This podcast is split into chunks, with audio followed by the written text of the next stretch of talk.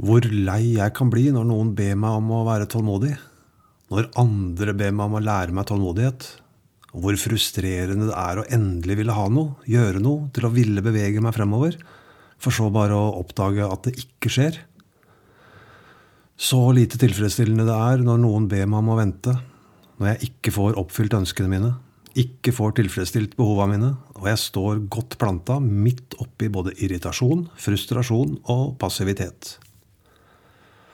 Da er det godt å vite at det likevel er lov å ha følelser om det. Og de trenger jeg ikke å vente på, for de kommer uansett. Men det fine med følelser, det er at jeg kan lære meg å kontrollere dem. Men det er klart, det krever litt tålmodighet. Det er ikke så enkelt å være tålmodig. Vi er ikke vant til det lenger. Samfunnet, menneskene, bilene, mediene, alt går så fort. Og det har bare gått fortere og fortere så lenge vi har levd.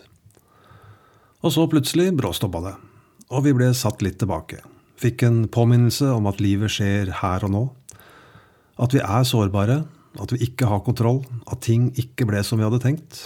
At det neste året er bortimot avlyst. Da er det greit å lære seg litt tålmodighet likevel, da kanskje og helst ganske raskt. Hei, jeg heter Alexander, og jeg er nok ganske utålmodig. Med en gang en idé faller ned i hodet mitt, vil jeg sette i gang. Jeg får migrene av byråkrati og saksgang. Trives dårlig med tenketid og vurderinger. Sånn har jeg nok alltid vært. Og det er ganske slitsomt. Sikkert for alle de jeg maser på og dytter behovene mine og ønskene mine over på, men mest av alt for meg sjøl.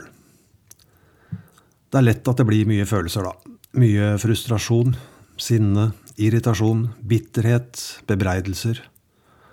Plutselig tar jeg meg sjøl i å dømme andres ubesluttsomhet eller mangel på initiativ.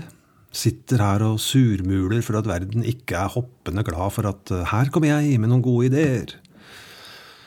Jeg fungerer dessverre sånn at hvis jeg ser noe som ikke fungerer, noe som er tungvint eller lite gjennomtenkt, upraktisk eller gammeldags, så skal jeg på død og liv forsøke å fikse det.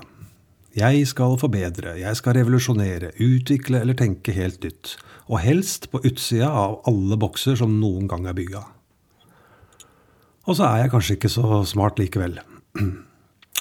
Eller det som for meg er et revolusjonerende og viktig prosjekt, er i virkeligheten ikke noe problem for andre i det hele tatt. Det er bare et eh, problem for meg. Det eksisterer bare inni mitt eget hode. Da er det jo greit å forsøke å utvikle den selvinnsikten litt, da. Det er ikke alltid det går like fort. Innsikten min er ofte litt seig i avtrekket. Det går ofte litt for lang tid før det demrer for meg at mangelen på tilbakemelding og mangelen på entusiasme fra andre faktisk ikke er et tegn på manglende initiativ. Dette her handler bare om meg. Om min utålmodighet, min manglende evne til å ta det med ro, til å la ting utvikle seg på egen hånd. Min underutviklede evne til å overlate og til å la ting gå sin gang. For det kommer til å gå helt fint. Helt uten min påvirkning. Jeg trenger ikke å fòre egoet mitt med dette her. Det er ikke viktig. Det er ikke nødvendig. Verden trenger det ikke. Tålmodighet slår ut på et par andre områder også.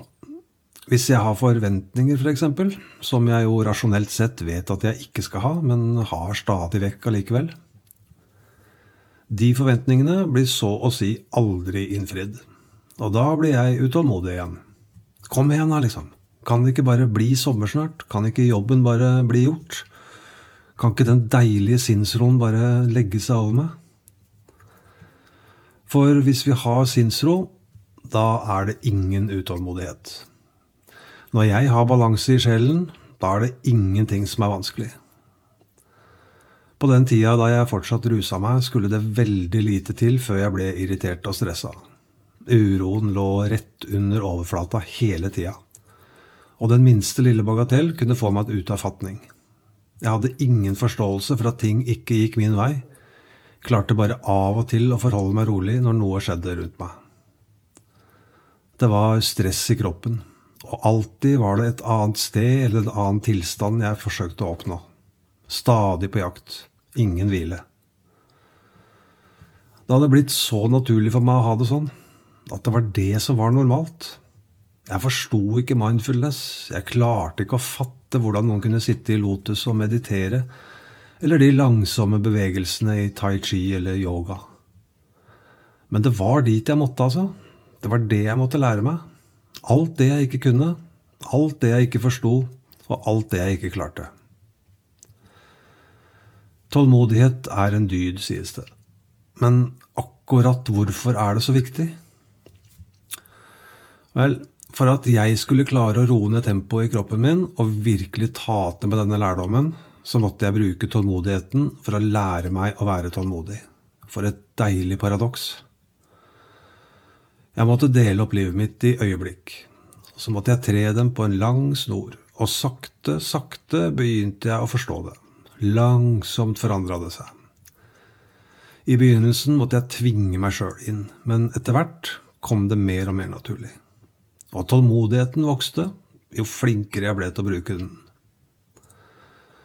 Alt som virkelig er verdt noe, kombinerer øyeblikk av handling med øyeblikk hvor du ikke gjør noe som helst. Og det er ofte de øyeblikkene du ikke gjør noe som helst, som er de mest dyrebare. Har du tenkt på hvordan det at vi av og til har en tendens til å dømme andre, innvirker på vår egen tålmodighet? Hvis vi bruker tid og energi på å vurdere andre og deres handlinger, tenke på de dumme avgjørelsene de har tatt, og hva de heller burde ha gjort, da skaper det en spenning mellom oss og verden rundt oss. Så når jeg dømmer andre, setter jeg opp en fiendtlig front mot verden rundt meg. Og denne fiendtligheten har dessverre en tendens til å utvikle seg til intoleranse, og noe som igjen trigger utålmodigheten min. Men hvis jeg lærer meg å akseptere andre akkurat sånn som de er, da blir det lettere for meg å beholde min indre balanse. Og ved å ivareta den blir det lettere å være tålmodig. Tålmodighet er et tre hvis røtter er bitre, men frukten søt. Aristoteles. Og for å fullføre den aforismen Trær gror langsomt. Røttene trenger mye næring og rent vann bladene, sol og frisk luft. Og da vil belønningen komme, som den søteste frukt du kan tenke deg. Friheten i øyeblikket, hvor du tålmodig aksepterer